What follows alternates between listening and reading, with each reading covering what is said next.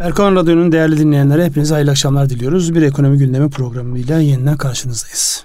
Nasılsınız Mustafa Bey? Sağ olun Ünsal Bey. Sizler nasılsınız? Teşekkür ederim. Nereden başlayacaksınız? Merkez Bankası'ndan mı, BDDK'dan mı, Nurettin Nebati'den mi? Ee, nereden başlarsak hepsi birbiri içerisinde geçmiş Aynı konular. yere geliyor diyorsunuz evet, hepsi. Aynı Tamam. şeyler belki farklı konularda tekrarlıyor olacağız. Evet, önce şu başlıklardan başlayalım. Merkez Bankası'nın almış olduğu kararın önce genel anlamda ne anlama geldiğini bir değerlendirelim. Sonra diğer açıklamalara ve BDDK'nın almış olduğu tedbirlere, piyasayı nasıl görüyorlar, nasıl yorumluyorlar, birbirini e, basan ya da birbirine zıt gibi görünen uygulamalar var. O uygulamaların ne olduğuna bakalım. Piyasada bana göre tepkiler veriyor. Evet öncelikli olarak Merkez Bankası kararını değiştirmedi. Daha doğrusu kararını Faiz e, sabit tuttu. sabit tuttu. Orada ilaveler var. Özellikle likitte sağlama noktasında bankalara vereceği kaynağın karşılığında alacağı teminatlarla alakalı bir değişikliklere gidiyorlar. Orada e, yani bir taraftan piyasa canlı kalsın diye kaynak veriliyor ama bir taraftan da bu kaynaklar bedava verilmiyor tabii. Karşılığında hazine bonosu, devlet tahvili, belki döviz blokajları, değişik bir e, teminatlandırma yapısı var. Yani bilmeyenler açısından baktığımızda e, yani Merkez Bankası bankalara ya da can istediği banka istediği kadar para vermiyor. Muhakkak onlar da aynı piyasadaki bankacılık sisteminin işlediği gibi teminatla işliyor. Siz ne gördünüz bu kararda farklı olarak ya da yeni ne var diye baktığımızda size onu Ya, sorayım. Öbür e, tarafta makro enflasyonla mücadele konusunda e, bakıldığı zaman e, çok fazla e, şey söylenemiyor. Merkez Bankası'nın enflasyonla mücadeledeki tek enstrümanı Evet. faiz bir de Faiz. likiditeyi sıkmak ya da genişletmek. Likitte ile alakalı kısmı düzenlemiş. yapıyor. Faiz Faizle kısmıyla ilgili alakalı- kısma dokunmadığı için de e, eleştiri alıyor diyelim. eleştiri alıyor ya da şu saatte dokunsa e, yani dokunsa bu sefer de kıyamet kopacak yeter mi diye kıyamet kopacak. Onun için Evet. şu an sessiz kalmak bu anlamda izlemek önemli. Bu arada tabii e, Bu özellikle arada isterseniz reel faizde şeyin e, yüzde altmışa geldi. Onu vurgulamakta yarar var. Enflasyon. farkının diyorsunuz. Şimdi orada tabii hangi taraftan Kayseriler gibi alırken mi satarken mi? Hangisine bakarak Evet. 60'a E, geldi şöyle? Merkez Bankası 14 ile verdiğine göre alırken diyeceğiz. Tamam Merkez Bankası açısından ama Evet. piyasada baktığınızda ne mevduatta öyle bir oran var Yok tabii. ne kredide öyle bir oran var. E, Dolayısıyla özellikle son dönemde katılım bankalarında tasarrufunu değerlendiren insanların aynı zamanda katı, katılım bankalarından fon kullananlar yani inanılmaz makası görüyorlar orada çünkü adaptasyon biraz gecikmeli oluyor Evet. orada. Dolayısıyla orayla alakalı da e, zaman zaman çevremizden serzenişler oluyor. Bizim eski katılım bankası çalışanları olduğunu olduğumuzu bilenler açısından. Şimdi burada e, özellikle e, şuna bakmak icap eder. Merkez Bankası'nın almış olduğu bu tavır piyasaya nasıl etkiliyor ve bir taraftan da e, tüketici kredileri artarken öbür taraftan ticari kredilerin düşüyor olması öngörülen bir şey miydi? E, konutlarla alakalı özellikle finansmanın e, yani kolay değil ulaşmayı biraz zorlaştırdı orada siz bahsedeceksiniz zannedersem BDDK'nın yaklaşımından. Şimdi e, lüks konut e, tüketimini azaltıp sosyal konuta bir yönelme var. Fakat orada arzla alakalı bir problem yaşıyoruz. Arsa üretimi, uygun fiyatlarla arsa üretimi bunların e, genele yansımasıyla alakalı problemler yaşanıyor. Merkez Bankası kendi e, açıklamasında uluslararası diğer büyük merkez bankalarının benzer tavırlar takındığından bahsediliyor. Bir ara o konuya gireceğiz. Şu an artık gündeme yoğun bir şekilde resesyon girmiş vaziyette. Çünkü özellikle batılı bankalar açısından, batılı merkez bankalar açısından enflasyon büyümeye e, tercih edilecek bir şey değil. Yani büyümeyi olsun enflasyona razıyız gibi bir tercih söz konusu değil. Orada ne pahasına olursa olsun yani ekonomi yavaşlatma, resesyona sokma ihtimali de dahil olmak üzere e, bu konu gündemde. Çünkü hepsinin canını yakıyor. Bir de alışık olmadıkları oranlar. Yani sıfırla bir arasındaki enflasyonun birden 8'lere 9'lara gelmiş olması onların ayarını e, bizimin de bozuyor ama onların ayarını daha fazla bozuyor. Çünkü bizim fazla değil. Bir 15-20 yıl öncesinde zaten Evet. bu oranları yaşıyorduk. Yani zihnimizin bir köşesinde var bu oranlar. Ama onlar açısından bu oranlar yok. Ne diyorsunuz? Ee, evet e, Avrupa'nın alışık olmadığı bir oran. Ee, onlardaki travma İkinci Dünya Savaşı'na kadar gidiyor. Tabi Avrupa'daki e, Ukrayna'daki e, gelişmeler ve savaş da onları sanki savaş büyür mü yayılır mı endişesi var. Tabi bu e, daha önce e, yani siyaset konumuz değil ama e, Rusya savaş ilk başladığı zaman özellikle nükleer kapasitesini öne çıkartarak o, onu e, ifade eden cümleler kuruyordu bir nevi tehditler.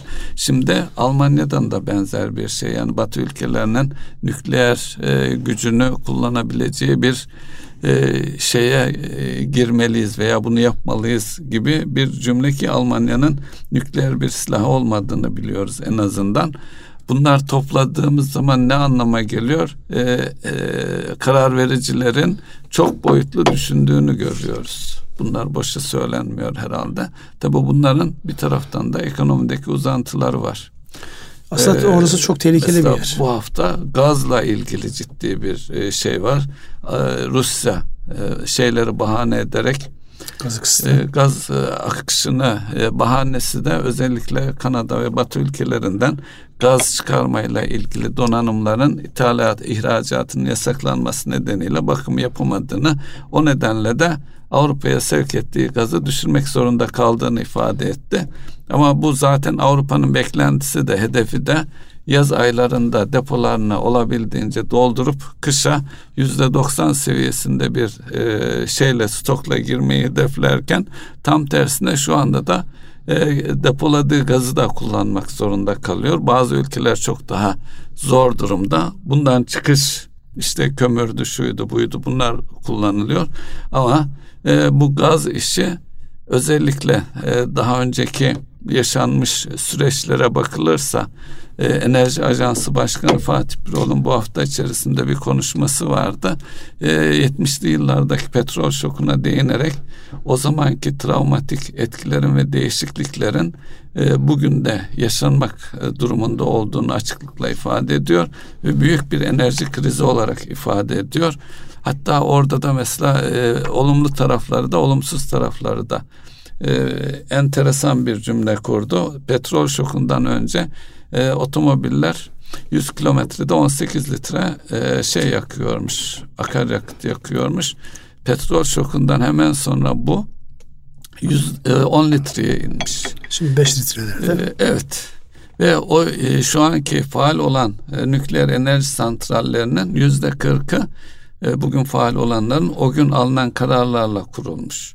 Şimdi de mesela nükleer enerjiyle ilgili e, bu e, yeşillerin çok yoğun e, mücadelesi vardı nükleere karşı.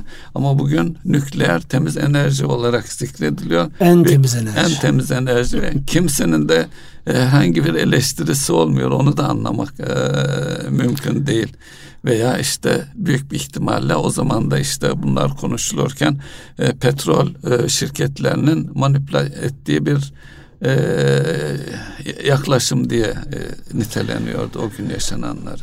Ya bunu olması son derece normal. Kimin menfaatine halel geliyorsa o kendisini güçlü gösterecek ya da kendisini daha masum gösterip başkalarını öcü gösterecek şeyler yapmışlar. Özellikle bu nükleer santrallerle alakalı e, Fransa mesela hiç geri adım atmadı biliyorsunuz. Enerjisinin evet. neredeyse yüzde yetmişi elektrik enerjisinin yüzde yetmişini nükleer santrallerden yapıyor. Orada hiç kapatma ya da ona yönelik herhangi bir açıklama olmadı. Almanya hakeza öyle bir iki böyle kapatacağız falan dediler ama şu an baktığınızda bırakın onları e, termik santraller devreye giriyor. Çünkü enerji şu anki modern toplumun olmazsa olmazı. Yani elektriklerin kesildiği bir üç gün beş gün düşünebiliyor musunuz bir şehirde? Evet. Yani hayatın kilitlendiği işte internet ulaşamıyor insanlar evindeki kalorifer sistemi ya da klima sistemini çalıştıramıyor neyse artık dönemine göre. Dolayısıyla e, önemli bir araç güçlerin yer değiştirmesi ya da birbirini terbiye etmesi açısından. Fatih Birol'una dikkat çektiği başlık bu. Yani evet. 74'teki petrol krizine benzer krizleri yaşatacak e, senaryolar devrede. Evet. Normalde baktığınızda dünyanın buna ihtiyacı var mı? Yani kaynak açısından elinde fazlasıyla varken ama e, güç gösterisi işte geçen defa e, biraz üzerine değinmiştik. özellikle Çin'in Amerika ile olan ilişkisinde yani burada herkes Rusya'ya bakıyor ama asıl arka tarafta Çin'in Amerika'yı çok ciddi şekilde sıkıştırdığı, sıkıştıracağı, önümüzdeki dönemde orada çok farklı sert e, oyunların oynanacağına dair e, sinyallerin geldiğinden bahsediliyor. Tabii bunların manipülasyon mu, gerçek mi onları ancak yaşayıp göreceğiz. Şimdi burada tekrar biz Merkez Bankası'na dönelim isterseniz. Evet. Merkez Bankası'ndan herhangi bir şey çıkmadı. Yapmış olduğu açıklamalarda çok önemli değişiklikler yok. Yani piyasaların rengini, yönünü değiştirecek bir açıklama gelmedi oradan. Dolayısıyla beklenen de bir şeydi bu. Onun için piyasanın buna tepkisi olmadı. Asıl tepki özellikle e, sermaye piyasalarında kendini gösteriyor. Yurt dışındaki açıklamalar yani Amerika'nın enflasyonu düşürmek için daha sertleşeceği, bunun da resesyona sebep olacağı, dünyadaki bütün arz e, iştahının düşeceği, bizim de bu anlamda baktığımızda büyümemizde önemli bir adım e, ihracat. ikinci adım işte turistlerin gelmiş olması. Şu an turistlerin gelmesiyle alakalı çok özel istisnaların haricinde e, bir problem yok. Evet. Yani her taraf turist. Sadece turistlerin harcama e, dolar karşılığında düşüşlük düşüş var ama sayıda artış var o onu tolere ediyor. Yani tolere ediyor. E, biz ucuz ve fakir e, turistlerin e, ziyaretgahı haline geldik. Belki böyle zengin turistlerin geldiği yerlerde Zengin vardır. de gelse çok para harcamıyor yani.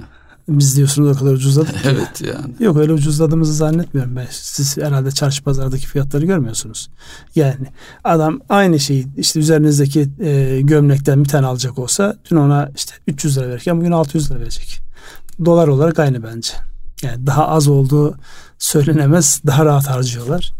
Ama bir gerçek yani turizm e, şu an girdi anlamında özellikle yaz aylarında yani biz İstanbul'da görüyoruz ama diğer şehirlerde baktığımızda her şehirde Konya'da bile turistlerin olduğuna dair rivayetler dolaşıyor. Ee, Konya önemli. Kadın bir şehir bile fazla oldu. Daha çok yerli turisti. Bir ara çok Japonumuz vardı. Ama İranlı vardı. En son gittiğimde ben Japon falan görmedim yani onu söyleyeyim. Eskiden Konya'ya ne zaman gitsem her taraf böyle Japon turistlerden geçilmezdi. Son gidişimizde pek Japon göremedim. Belki o hala şeydeki e, Nevşehir'deki Kapadokya bölgesine gidiyorlardı. Yasaklan şey bir turistin ölümü evet. üzerine bir şeyler olmamıştı. Bir de onların bir gazetecisi işte işit tarafından Türkiye orada devreye girmedi falan diye bir bahaneyle bir Türkiye'ye soğumuşlardı. İnşallah tekrar ısınırlar. Çünkü Kapadokya onlarla beraber renklenmiş evet. şekilleniyor. Ee, BDDK iki tane düzenleme yaptı. Bir bu konut e, kredileriyle alakalı düzenlemeler getirdi ama hepsinden önemlisi finans dışı sektörün swap yapmasıyla alakalı bir e, bankaların üzerinden enteresan bir düzenleme yaptı. Onun ne olduğundan ve nasıl uygulanabileceğinden bahseder misiniz? Nedir yani finans dışı sektörün swap Şimdi finans dışı sektör derken şirketleri kastediyor. Bankaları düzenlemek daha kolay. BDDK ve Merkez Bankası'nın e, eylemleri ve kararlarıyla hareket eden bir sektör. E, onun dışında da şirketlerin elinde te, Türk lirası olan şirketler bunu doğrudan batılı e, e şeylerle e, finans kuruluşları veya neyse e, swap yapabiliyorlar. Swap derken e, TL'yi gönderiyor, oradan döviz geliyor. E, anlaşma sonunda da gönderdiklerini karşılıklı olarak iade ediyorlar. E, her para cinsi içinde belirlenmiş bir faiz oranı var. O faizi de ödüyorlar. Şimdi bu e, daha önceki e, yaşadıklarımızdan hareketle hatırlayacak olursak bu swap imkanıyla özellikle dövizin e, e, manipüle edilmesi, kurum manipüle edilmesi söz konusuydu. Benzer bir etkinin ortaya çıktığını anlıyoruz e, BDDK'nın bu kararından. Tabii bunu e, dolaylı yolda düzenleyebiliyor. Diyor ki eğer böyle bir şirket böyle bir harekette bulunursa e, bankalar, e-bankalar siz bu şirketlerin ticari kredileri neyse ben onlara yüzde 500 karşılık e, ayırmanı istiyorum diyor. Yani 100 lira kredi veriyorsa o 100 liraya karşılık o bankanın Merkez Bankası'nda 500 lira tutması gibi bir sonucu götürüyor ki bu tamamen bunu engellemeye yönelik. Ancak ne kadar engelleneceğini veya boyutun ne olduğunu bilmiyoruz. İşin bir bu tarafı var. Bir de e, hatırlarsak e, önceki haftalarda e, yine e, swap'la ilgili kontrollü taahhütlü swap denen yani e, gelip, Türkiye'de e, işte işte kısa vadeli hisse senedi ya da tahvile yönelik e, gelecek kaynaklar içinde swap imkanı da sağlanmıştı. Bir taraftan o var. Yani devlet istiyor ki e, swap imkanları yani Türk lirası üzerinde herhangi bir şekilde manipülasyonu istemiyor. Manipülasyonu engelleyecek tedbirlerle hareket etmek istiyor. Ancak bunlar nedenli işledi. Özellikle mesela taahhütlü swap çerçevesinde ne geldi ne kadar geldi bilemiyoruz ama e, yine Merkez Bankası rezervlerinden hareketle rezervlerde azalma söz konusu ve yabancılar da yine ülkeyi terk etmeye hem hisse senet tarafında hem tahvil tarafında devam ediyor. Bir taraftan da o var. Yani bunları bütünlük açısından bakıldığı zaman sanki birbiriyle çelişen e, şeyler gibi görünüyor ama e, detaydaki e, hesabı kitabı sanıyorum e, Merkez Bankası hazine e, detaylı hesap yapıyor diye düşünebiliriz. Şimdi evet muhakkak yapıyorlardır. Gördükleri bir şeyler var. E, buna tedbir almaya çalışıyorlar. Öbür tarafta piyasanın bununla alakalı yorumuna baktığımda yani evet etkili olabilir. Hareket alanımızı daraltabilir. Bir kısmı da bunun kozmetik bir tedbir olduğunu yani uygulamasının ve takibinin zor olduğundan bahsediyor. Dediğim gibi yani karar vericiler bunu bu kararlar alırken muhtemelen aldıkları kararların etki analizlerini de yapmışlardır. Yani nereye etkiliyor? Gerçekten yurt dışından e, içeriye doğru Türk lirasının değerini düşürecek ya da dövizi yukarı götürecek bir harekete içerideki firmaların sebep olup olmadığı ile alakalı bir e, analizleri ve incelemeleri var ki oraya tedbir geliyor. Bu arada e, çok önemli kararlardan bir tanesi yine BDDK'dan gelen bu makro ihtiyatlılık üzerine tedbirler üzerine gelen kararlardan bir tanesi de 10 e, milyon üzerindeki konut finansmanının e, krediye tabi olamaması. Yani 10 milyon değerin üzerinde bir konutunuz varsa bunun alım satımında herhangi bir şey olmuyor. İşte 5 ila 10 milyon arasında olanlara sadece 2,5 milyon Türk liralık kısmının krediye tabi olduğu. Burada bir şey daha var. Bankalar Birliği Genel Kurulu'nda konuşurken BDDK Başkanı özellikle bu yeşil ekonomiye, yeşil dönüşüm ekonomisine çokça vurgu yapmıştı. Mesela burada da çok dikkati çekici bir şey. Evet. Enerji sınıfı A olan birinci el konutlar diye başlıyor cümle. Yani burada enerji sınıfının Bankacılık Düzenleme Denetleme Kurulu'nun gündemine gelmiş olması ve bunu da mevzuata koyuyor olması da enteresan bir şey. Bu önümüzdeki dönemde e, enerji özellikle yeşil enerji, yeşil finansman buna bağlı olarak dönüşlerin e, düzenleyicilerin de fazlasıyla gündeminde olacağının işareti bu. E, ne diyorsunuz yani burada şuradan lüks konut e, şeyinde bankaların desteği olmayacak. Dolayısıyla evet. parası olan gitsin alsın gibi bir anlam çıkıyor. E, burada e, aynen o şekilde e, enerji sınıflarına biraz daha e, ekleme yapacak olursak enerji tasarrufu olarak A, B ve diğer diye e, tasnif etmiş. A üst seviyede e, şeyi enerji tasarruf şeyleri yalıtımı yapılmış binalar e, kastediliyor. E, bu tabi bankacılık sistemi açısından da artık Türk bankaları da özellikle sendikasyon benzeri kaynaklara, batılı kaynaklara erişiminde de çok önemli ve daha ucuz maliyetlerle e, ulaşılması mümkün.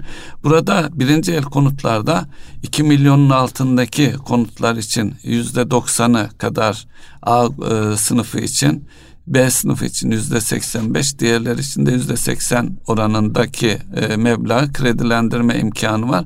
Tabi burada belki 2 milyon biraz daha konuşulabilir.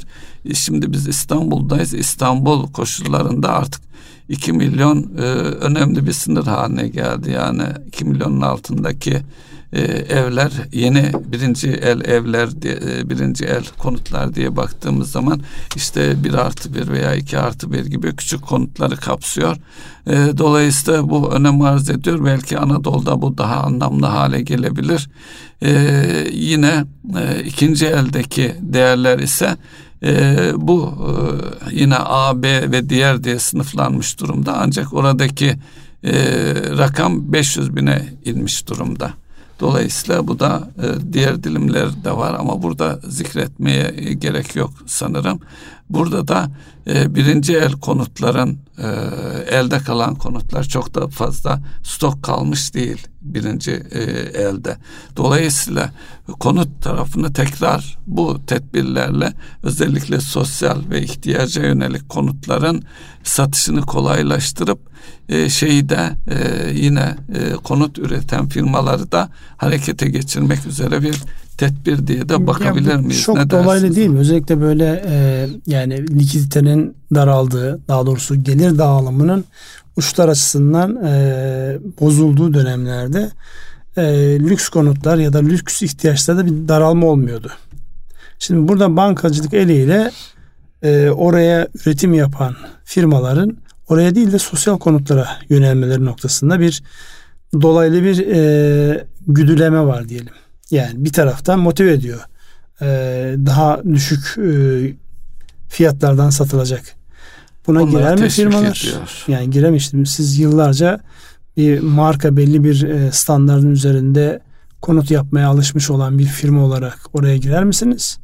Yoksa alt bir markayla ya da başka bir firmanız üzerinden piyasa orada canlanacak, aşağısı canlanacak diye öyle bir şey yapar mısınız? Yani şimdi baktığımızda biraz iş adam mantığıyla baktığında e, olabilir mi? Mümkün. Ama doğrudan e, bu e, hadise gerçekleşir mi? Yani insanlara lüks konutları değil de daha düşük konutların ticaretinin kredilendirebilmesinin teşvik edilmesi üretici açısından harekete getirir mi? Muhtemelen marka olanlar değilse bile diğerlerini harekete geçirecektir. Ee, burada e, şu realite kendini fazlasıyla gösteriyor. Şu an konut arzıyla alakalı problemimiz var. Özellikle dar gelirlerin ulaşabilecekleri konu tarzıyla. Eğer orası çözülmezse kiralardaki bu kavga devam edecektir. Bu sadece lüks konutlardaki e, arz yani ilişkiyi kesecektir. Yani alım satımı biraz azaltacaktır. Fakat kiralara bu anlamda çok aşağıya bir baskı yapacağını düşünmüyorum. Arz meselesi çözülmediği sürece. Arzı çözerseniz mesele yok. Burada bir başka boyutu da var. İnşaat ve konut işine girince farklı dinamikler de var. Ee, son açıklanan güven endeksinde de inşaat tarafında birazcık kıpırdama var. 81.6'dan 83'e yükselmiş durumda güven endeksi e, alt başlıkları içerisinde. Şimdi e, inşaat sektöründe Özellikle maliyetlerde çok ciddi artış var. Yani yapsat çalışanlar, e, çalışan firmalar e, özellikle konuttaki hızlı fiyat artışından önce satış yapılan konutların e, tamamlanıp yeniden teslim edilmesinde sıkıntılar var. Yani bir boyutu da işin o. Hatta bununla ilgili edimini yerine getirme, getiremeyeceğini ifade edip bırakan firmalar olduğu söyleniyor. Her boyutta küçüklü büyüklü. Satmayanlar açısından da karlı bir durum var. Ancak e, şu anki inşaat maliyetlerinde ciddi artış var. Onu tolere edecek bir e, konut fiyat artışı oldu mu? Oldu. Ee, ancak alt başlıklarda mesela demir önemli bir unsurdur. Çimentoda artış var. Çimento demir geri geliyor ama çimentoda enerjiye bağlı olarak o da artmaya devam ediyor. Yani enerjide demir açısından herhangi bir e, olumlu gelişme olmadı. Aynı enerji onlar da kullanıyor. İşte buradaki mesela Rusya'nın pozisyonu. Demir çelikçilerle geçenlerde bir e, ortamda sohbet ettik. Özellikle Rusya'nın e, Türkiye'nin en büyük, daha doğrusu dünyanın en büyük e, demir çelik üreticisi olan Türkiye'nin bir anlamda doğrudan ya da dolaylı olarak Rusya'dan gelen demir çelik yüzünden fiyatların çok hızlı kırıldığını işte binler bin dolarlardan işte 650 600 dolarlara kadar gerilediği benzer bir durum e, şeyde de var pikte de var. Yani daha geçtiğimiz ay 1400 e, dolarlar seviyesindeyken şu an 850 dolarlar seviyesine gelmiş. Dolayısıyla e, şu an fiyat tutturmak, maliyet hesaplamasını yapmak e, oldukça zor bir dönemden geçiyoruz. Ama bir de gerçek var. Yani bunlar dengelenecek. Çünkü dünyanın resesyonu konuştuğu e, bir dönemde yani stagflasyon değil resesyonu konuşuyorlar. Stagflasyon kelimesi unutuldu. Başlangıçta birkaç kere söylendi ama o unutuldu. Sebebi şu. Büyük merkez bankaları enflasyonu düşürmek adına ekonomileri soğutacaklar. Bu da durgunluğa sebep olacak. Enflasyon aşağı getirir mi? Getirir. Çünkü netice itibariyle özellikle arz bazlı yani tedarik zincirinden kaynaklanan fiyatların yukarı gitmesi, tedarik zincirindeki bozulmaların fiyatlara olan etkisi, enflasyon olan etkisi şu an nispeten çözülmüş vaziyette. mutlak değil ama çözülmüş vaziyette. Mesela bunlardan bir tanesi de belki o konuya da girersiniz. Ee, Ukrayna'nın işte e, elinde bulunan hububatın dünya piyasalarına ulaştırılması ve bunun fiyatlar genel seviyesindeki etkisiyle alakalı ciddi e, tartışmalar, görüşmeler var. Yani dolayısıyla şu an yokluğundan dolayı değil, e, geliştirilen taktikler, tavırlardan dolayı şu an ciddi bir fiyatları yukarıda görüyoruz. O konuda e, söyleyeceğiniz bir şey var mı? Ee, gıda konusunda e, sıcak gündem olarak özellikle İstanbul'da bir anlaşma yaparak Ukrayna ve Rusya tarafıyla özellikle Dışişleri Bakanımızın da açıklaması var. Konuşup e, şeyi çözmeye çalışıyorlar. Yani burada güvenli bir şekilde Rusya'nın iddiası eğer bu açılırsa yanaşacak gemiler silah getirir endişesi var. E, diğer Ukrayna tarafının da e, şeyin e, hububatına Rusya'nın el koyacağı e, gibi endişeler var. Hatta Rus, e, Ukrayna'nın bu konuda Rusya'yı suçluyor. İşte e, şeylere özellikle bizim ilgilendiren tarafı da oldu. İşte çalınan e, Ukrayna'nın çalışan çalınan tahılının e, aldığımız hakkında ama onunla ilgili menşeinin Rusya olduğunu kanıt e, olduğunu kanıtları ortaya kondu. Yani şu anki e, Ukrayna e, merkezli tahıl e, ihracatında bir güven sorunu var. Ancak bu güven sorununun tabii iki tarafta savaş halinde olduğu için buna başka argümanlar ekleyerek lehine avantajlar elde etmeye çalışıyorlar. E, peki sonucu ne olacak? Sonucu da e, yani gıdada e, çok e, küçük miktarlar hem fiyatları büyük e, oranda etkileyebiliyor fiyat esnekliği açısından. Ayrıca dünyanın belli yerlerinde özellikle e, düşük gelirli ülkelerde açlığa neden olabileceği endişeleri de yüksek sesle söyleniyor. Ve kıt bir zaman var şu anda tekrar e, depolarının belki Ukrayna'nın stoklama yapabilmesi için eski stokları satması gerekiyor ki yerine yeni e, tahıl ürünlerini koyabilsin. Böyle bir ikilemde hareket ediyor. Bir ilave olarak sizin söylediğiniz yani resesyon, stagflasyon unutuldu. Resesyon e, tehlikesi e, ön planda derken Japon Merkez Bankası'nın farklı bir tavrı var. Onlar da yüzde iki seviyelerine ulaşmış bir enflasyon olmasına rağmen ki yıllarca enflasyonu artırmak için uğraşan bir ülke. Onlar e, bu fiyat artışlarının da geçici olduğuna inanıyorlar. Özellikle çekirdek enflasyon açısından da bakınca. Dolayısıyla gerçek para politikasından vazgeçmiyorlar. Yani faiz artırımına yanaşmıyorlar. E, bu da farklı bir anlayış olarak e, dünya ekonomisi açısından, büyük ekonomiler açısından dikkate alınması gereken bir unsur herhalde. Bir taraftan da Japonya bu anlamda Türkiye'deki yapılanı e, destekler görüntüde yani kullanılan e, argümanlardan bir tanesi de bu. Yani herkes arttırmıyor. Şimdi genelde yapılan eleştiri ne? İşte enflasyonla mücadele noktasında merkez bankaları faiz arttırıyor. Siz niye arttırmıyorsunuz şeklinde bir baskı. Ee, özellikle Merkez Bankası'nın doğrudan ya da dolaylı olarak söylediğini hayır herkes arttırmıyor. Japonya gibi bir örnek var e, yıllarca enflasyon olsun diye debelendiler. Enflasyon yüzde ikilere geldi ki Japon ekonomisi açısından yüzde iki önemli bir oran. Evet. Çok önemli bir oran. Ona rağmen herhangi bir şey yapmıyorlar. Çünkü bu adamlar yıllarca enflasyon olsa da insanlar şu paraları e, kasalarda, bankalarda tutmaktan vazgeçip har- harcasalar diye bir şey vardı. Ama görüyoruz ki aynı politikaya devam ediyorlar. Yani onların o insanların parayı harcayıp ekonomiyi canlı tutma konusundaki istekleri ne Merkez Bankası duruşuyla devam ettiriyor. Orada ayrı, ayrıştığımız nokta nerede? Bizde kaynak yok. Evet. Yani orada insanlar kendi parası kasalarındaki yani. paraları harcasınlar diye uğraşıyorlar. Biz de e, BDDK'nın düzenlemeler üzerinden daha fazla kredi kullanarak daha fazla harcama yapmayın. Oraları frenlemeye çalışıyoruz. Ki yani orada ne kadar tedbir koyarsanız koyun son verilerde tüketici kredilerin ticari kredilere göre daha fazla artıyor olması önemli bir mesaj yani burada para otoritesini yapmak istediğinin sanki tam tersi istikamette bir gelişme oluyor. Burada nedir? Ekonomi canlı kalsın, istihdam devam etsin. Ee, bunun için de ticari ve yatırıma yönelik olan krediler artsın derken tüketici krediler artıyor. Çünkü arka tarafta özellikle kredi kartlarından gelen eski o harcama rahatlığından gelen bir alışkanlık var. Oradaki dengeyi sağlamadan gelirlerin de henüz ihtiyaçları karşılamadığı ki herhalde Temmuz'da net olarak evet, asgari ücrete evet. bir kere daha zam gelecek öyle, gözüküyor. Hilafına kimse bir şey söylemiyor çünkü. Evet. Sadece oranlar konusunda farklılıklar var. Bakın açıklaması vardı. Memurlara yüzde 40 civarında zam diye. Sonra o emeklilerin şey iyileştirecek diye tam açıklama öyle olmadı. Onun üzerinden bir değişikliğin olabileceği yani 40 rakama biraz sanki erken telaffuz edilmiş de sonra ondan hafif bir geri adım atılmış gibi bir görüntü oldu ama yani 40 olursa şaşar mısınız siz? Hayır. E, şaşmazsınız. Dolayısıyla şu an bu satın alınmış bir haberdir. Evet. Yani 40 olması e, beklentilere e, şu an insanların beklentileri olduğu için artık heyecanlandırmaz. Eğer siyaseten bir şey yapacaksanız onu 42, 43, 45 diye yukarı doğru itelemeniz evet. gerekecek. Bu arada tahıl konusuyla ilgili e, e, birkaç konu daha var.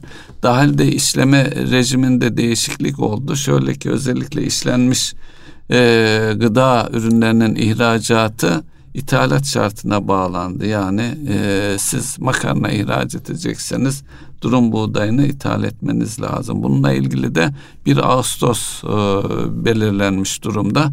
Bu daha önce zaman zaman da e, uygulanan bir şeydi ama bu e, sefer kapsam biraz daha geniş e, görünüyor. İşin içerisine şeker e, işte diğer e, tahıl ürünleri de dahil bunun sonuçları e, olacaktır. Tabi yurt dışından temin güçlükleri de var. Her ne kadar e, Ukrayna ve Rusya'nın bize yakın olması, onlarla belki doğrudan e, kendi ihtiyacımız için alacağımız şeyler için Rusya ve Ukrayna'nın ikna edilmesi diğer e, ülkelere yapılacak ihracata göre daha kolay e, görünüyor. Bir taraftan onunla ilgili bir e, rejim değişikliği var. Bu e, ilgili bu konudaki firmalarımızı derinden etkileyecek bir konu. E, yine ithalatı kolaylaştırma açısından da ayçiçeği, mısır ve soya da gümrük vergisi yıl sonuna kadar sıfırlandı. Halbuki daha önceki dönemlere bakıldığı zaman özellikle hasa, e, hasatın yapıldığı dönemlerde e, böyle bir karar alınmazdı. E, özellikle iç üreticilere fiyat konusunda koruma adına ne dersiniz? Bu son e, gıda ile ilgili ve bunun enflasyona yansımaları da olacaktır e, birlikte düşünecek olursak. Ya birlikte düşündüğümüzde şöyle bir şey çıkıyor ortaya. E, özellikle trendler, ana trendler olarak baktığımızda geçen defa e, bilmiyorum işledik mi programda. Yani e, dünyada ve Türkiye'deki ana trendler açısından baktığımızda en önemli konulardan bir tanesi bu belirsizliklerin sebep olacağı e, bölgesel kısıtlamalar. Yani herkes kendi pozisyonunu koruyabilmek için, kendi ihtiyacını karşılayabilmek için e, elindeki kaynağı bu kaynak özellikle insanlara doğrudan dokunan bir şeyse yani gıdaysa onu muhafaza etmek için elinden gelen her şeyi yapacaktır. Dolayısıyla insanlar o şeyi muhafaza etmek için Türkiye'de bu anlamda tedbirler alıyor. Yani bazı gıda ürünlerinde, bazı ürünlerde bu anlamda tedbirler alınıyor. Sadece Türkiye'nin de bu dünyada yapılan. Hatırlarsanız daha önceden yani buğday ihracatçısı bile olduğunu farkında olmadığımız bir Hindistan çıktı dedi ki ben bundan sonra işte ihracatımı yapmayacağım dediğinde o zaman döndük baktık yani Hindistan bu buğdayda gerçekten bir ihracatçı mı diye. Bazı bu tip e, şeyler önümüze gelecek. Sadece e, gıdada değil diğerlerine de gelecek. Gıda niye önemli? Çünkü insanların en fazla vurulduğu yer. Enteresan olan şey mesela biz Amerika'da diyoruz ya enflasyon yüzde sekiz, yüzde yedi. Geçenlerde Amerika'da yaşayan bir arkadaşla konuşurken şunu söyledi. Yani buradaki hissedilmesi çok daha üst seviyelerde. Yani sürekli böyle insanlarda bir öldük, bittik, mahvolduk. İşte nasıl geçineceğiz? Ya bu fiyatlar böyle giderse biz perişan olacağız gibi onlar da biliyorsunuz. Kaygı eşiği çok üst seviyelerde. Yani sabahtan akşama kadar Hollywood filmlerinde hayali böyle kaygılar ürettikleri için yani insanların refah seviyesindeki en ufak bir değişikliği hissetme oranları çok üst seviyeye çıkıyor. Ee, zaten bu hemen e, işsizliğin artacağıyla alakalı Powell'ın yapmış olduğu iki gün üst üste parlamentoda yapmış olduğu açıklamaların en sonunda şu çıktı. Yani tamam enflasyonla mücadele ediyoruz ama bu arada işsizlik artabilir diye de bir korku e, ne derler tüneli koydu ortaya. Ona bakarak Amerikalılar çok etkileniyorlar bundan. Onun için yani bu psikolojik etkilenme her ülkenin kendi e, gerçeklerine göre farklılaşacak. Özellikle halk açısından ben geçinemeyeceğim korkusunu yani hissettirirseniz bu e, çığ olarak gelir önünüze. Bu tedbirlerde bunlara yönelik olsa gerek diye düşünüyorum. Evet yine e, FED bankalarla ilgili bir stres testi sonucunu yayınladı. Orada da ifadelere e, resesyonu artık ciddi olarak bekledikleri anlaşılıyor. Öyle bir durumda e, bankaların e, rasyolarının kredi vermeye devam edebileceği yönünde. Yani buradan da şunu anlıyoruz. Özellikle resesyon sürecine girilirse bankalar e, piyasaları ciddi biçimde krediyle destekleyecek demek. Yani resesyonu engellemek için içinde bir şeyler var. Ama işte oradaki öncelik az önce konuştuk. Önce enflasyonu düşürmek için ekonomiyi soğutacaklar. Enflasyonun düştüğünü ve orada kalıcı olduğunu anladıktan sonra, sonra geliştirecek. E, yani söylemiş mücadeleye olduğunuz, başlayacaklar. Söylemiş olduğunuz öncelik değil. O ikinci adım. Çünkü e, gerek Yellen, gerek Powell, gerek diğer işte Lagarde da benzer şeyi söylüyor yani. Resesyon kaçınılmaz gibi diyor. Niye kaçınılmaz? Enflasyonla mücadele etmek için kaçınılmaz bir son. Olursa da onu tekrar e, canlandırırız. Canlanır mı? Canlanır çünkü insanoğlu ihtiyaçlarını yani özellikle pazarlama teknikleri ve insanlardaki olmayanı ihtiyaç haline getirme becerisi şu anki bu seviyeye gelmişken ekonomiler o anlamda canlandır. Benim dikkatimi çeken iki başlık var. Notlarım arasında onu e, almışım.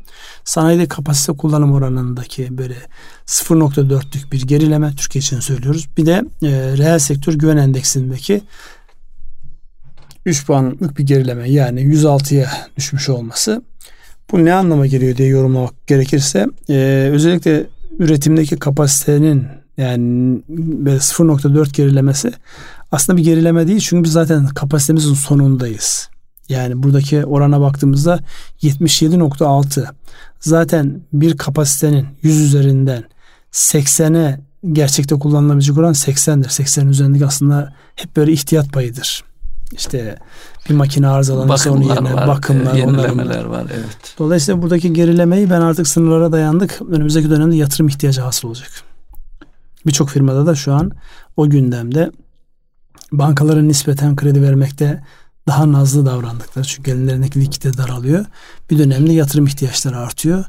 O yatırım ihtiyaçlarının nasıl karşılanacağı ile alakalı yine halka arzlar gündeme gelecek. Yabancıların olmadığı bir ortamda borsada ciddi halka arzlar oldu, olacak, olmaya da devam edecek. Yani orası çok enteresan e, bir noktaya gidiyor. Yabancılar çıkıyor ama yeni güçlü büyük firmalar geliyor e, halka arz için. Evet. Ee, yatırım konusunda belki e, kredi açısından e, ciddi ihtiyaçlar var. Yani bu oranlarla ilgili e, yurt dışında da e, krediler pahalanıyor bir taraftan. Ancak bu son dönemde özellikle e, firmalar stokta e, olan firmalar ve üretim yapan firmalar e, kar e, yüksek karlar elde ettiler ve likiditeleri mevcut. O likidite, likiditeye dayalı olarak yani öz kaynaklarıyla yatırım yapan firmalar olduğunda görüyoruz. Onlar da devam ediyor. Bu arada e, meclisten yeni bir e, konu yasa geçti.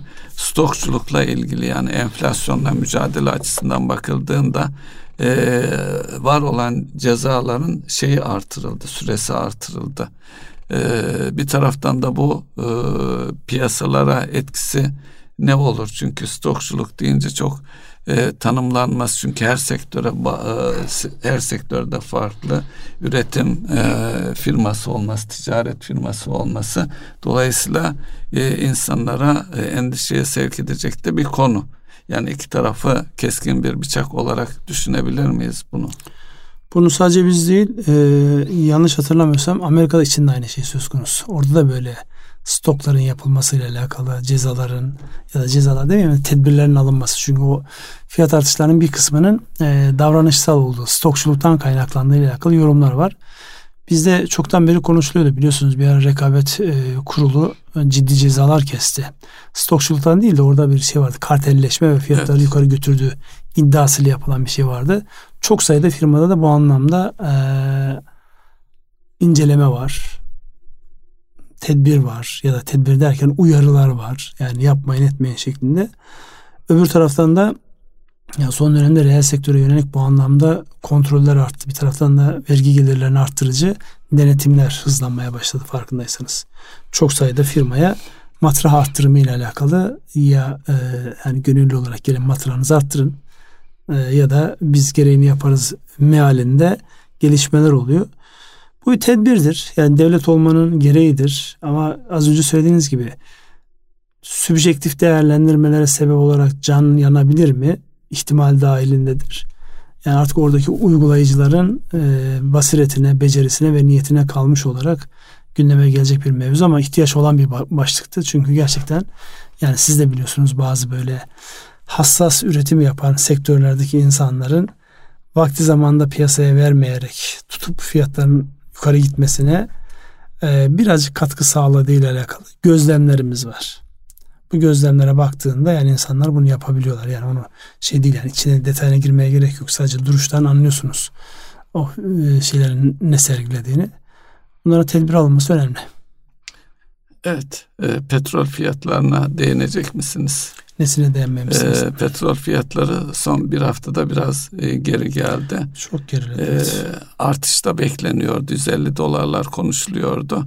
E, tabii burada e, özellikle yaz aylarında şeye bağlı olarak hareket turistik hareketliliğe bağlı olarak e, şeyin arttığını biliyoruz petrol ihtiyacının bir taraftan da bazı sektörlerde yani gaz yerine alternatif olarak e, e, akaryakıt kullanabilen sektörlerde gaz kıtlığı ve fiyatı nedeniyle bu tarafa yönelmede söz konusu olur olabilir. E, petrol üretici e, firma e, ülkelerinde petrol e, e, şeylerini üretimini artırmada çok istekli olmalar, olmadıklarını da biliyoruz. Ee, bütün bunları baktığımız zaman özellikle yaptırımlarla bu noktaya kadar geldik. Rusya'da sanki yaptırımlar konusunda çok fazla etkilenmemiş gibi görünüyor. Özellikle petrol e, ihracatında Avrupa'nın yerini şey e, uzak doğu Çin Hindistan almış görünüyor. Ancak orada da lojistik imkanlar e, engeli var. Normalde Avrupa'ya e, dört günde bir tanker Rusya'dan petrol taşırken e, şeye e, Çin'e Hindistan'a e, iki ayda ancak taşıyabiliyormuş. Bu da e, dünya üzerindeki hareketliliği veya pazarların değiş, değişimini, bölgeselleşmeyi artıran bir unsur. Şimdi e, bunlar içerisinde biz nasıl etkileneceğiz? Yani burada özellikle gaz ve petrolde e, Rusya ile Avrupa'nın e, konumu ve bizim de iki tarafı da Rusya ve Ukrayna'ya e, dengeli yaklaşımımız bizim gaz ve şey petrol tedarikimizde bizi rahatlatan bir şey sonuç yakalayabilir miyiz? Yani rahatlatan derken fiyatlar anlamında çok böyle e, olağanüstü bir şey beklememek lazım. Sadece şu an e, çıkış noktası olarak Türkiye'nin Rusya açısından önemli bir nokta olması belki arka tarafta yapılan pazarlıklarda piyasa fiyatlarına değil de hani şu dedikodu mahiyetinde duyduğumuz Hindistan'ın Çin petrolünü ve gazını yüzde otuz daha ucuz aldığı evet. ile alakalı şey. Muhtemelen varsa böyle bir şey biz de ondan istifade etmişizdir ya da edeceğizdir. Yani o anlamda bir problem yok. Ama şu an gelmiş olduğu özellikle 115-120 dolarlara vurduğu yerden tekrar 107 dolara gelmiş olması bizim açımızdan sevindirici.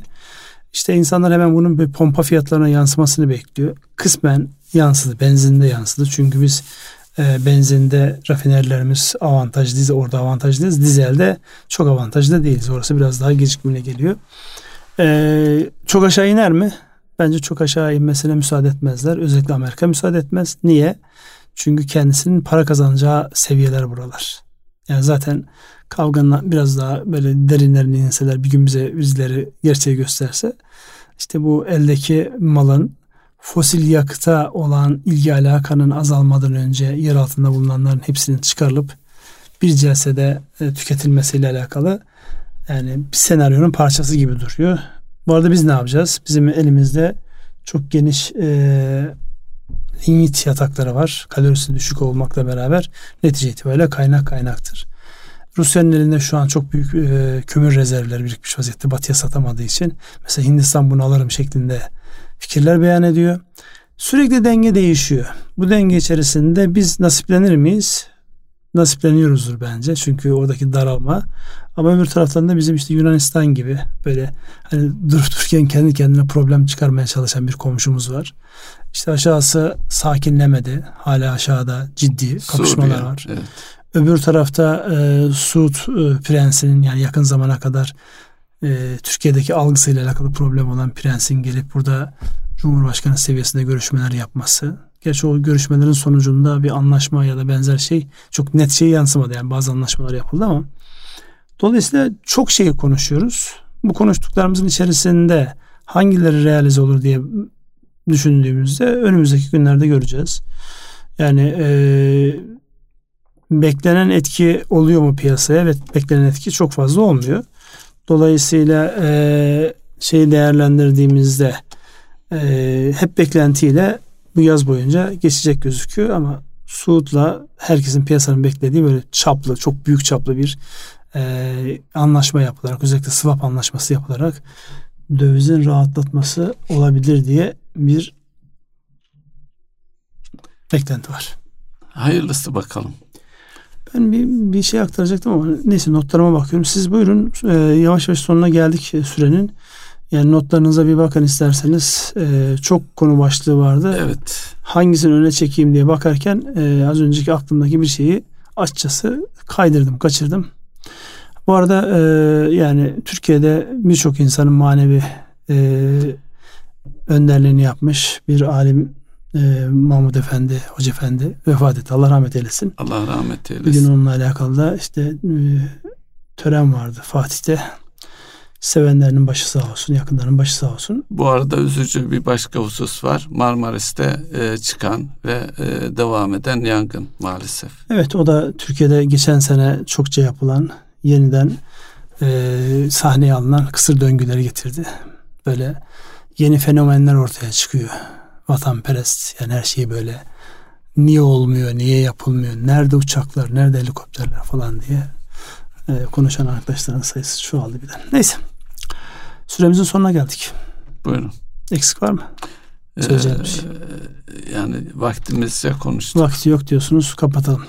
Erkam Radyo'nun değerli dinleyenleri bir ekonomi gündem programı daha sonuna geldik. Dilimizin döndüğünce haftalık gelişmeleri aktarmaya çalıştık. Hayırlı akşamlar diliyoruz. Hayırlı akşamlar.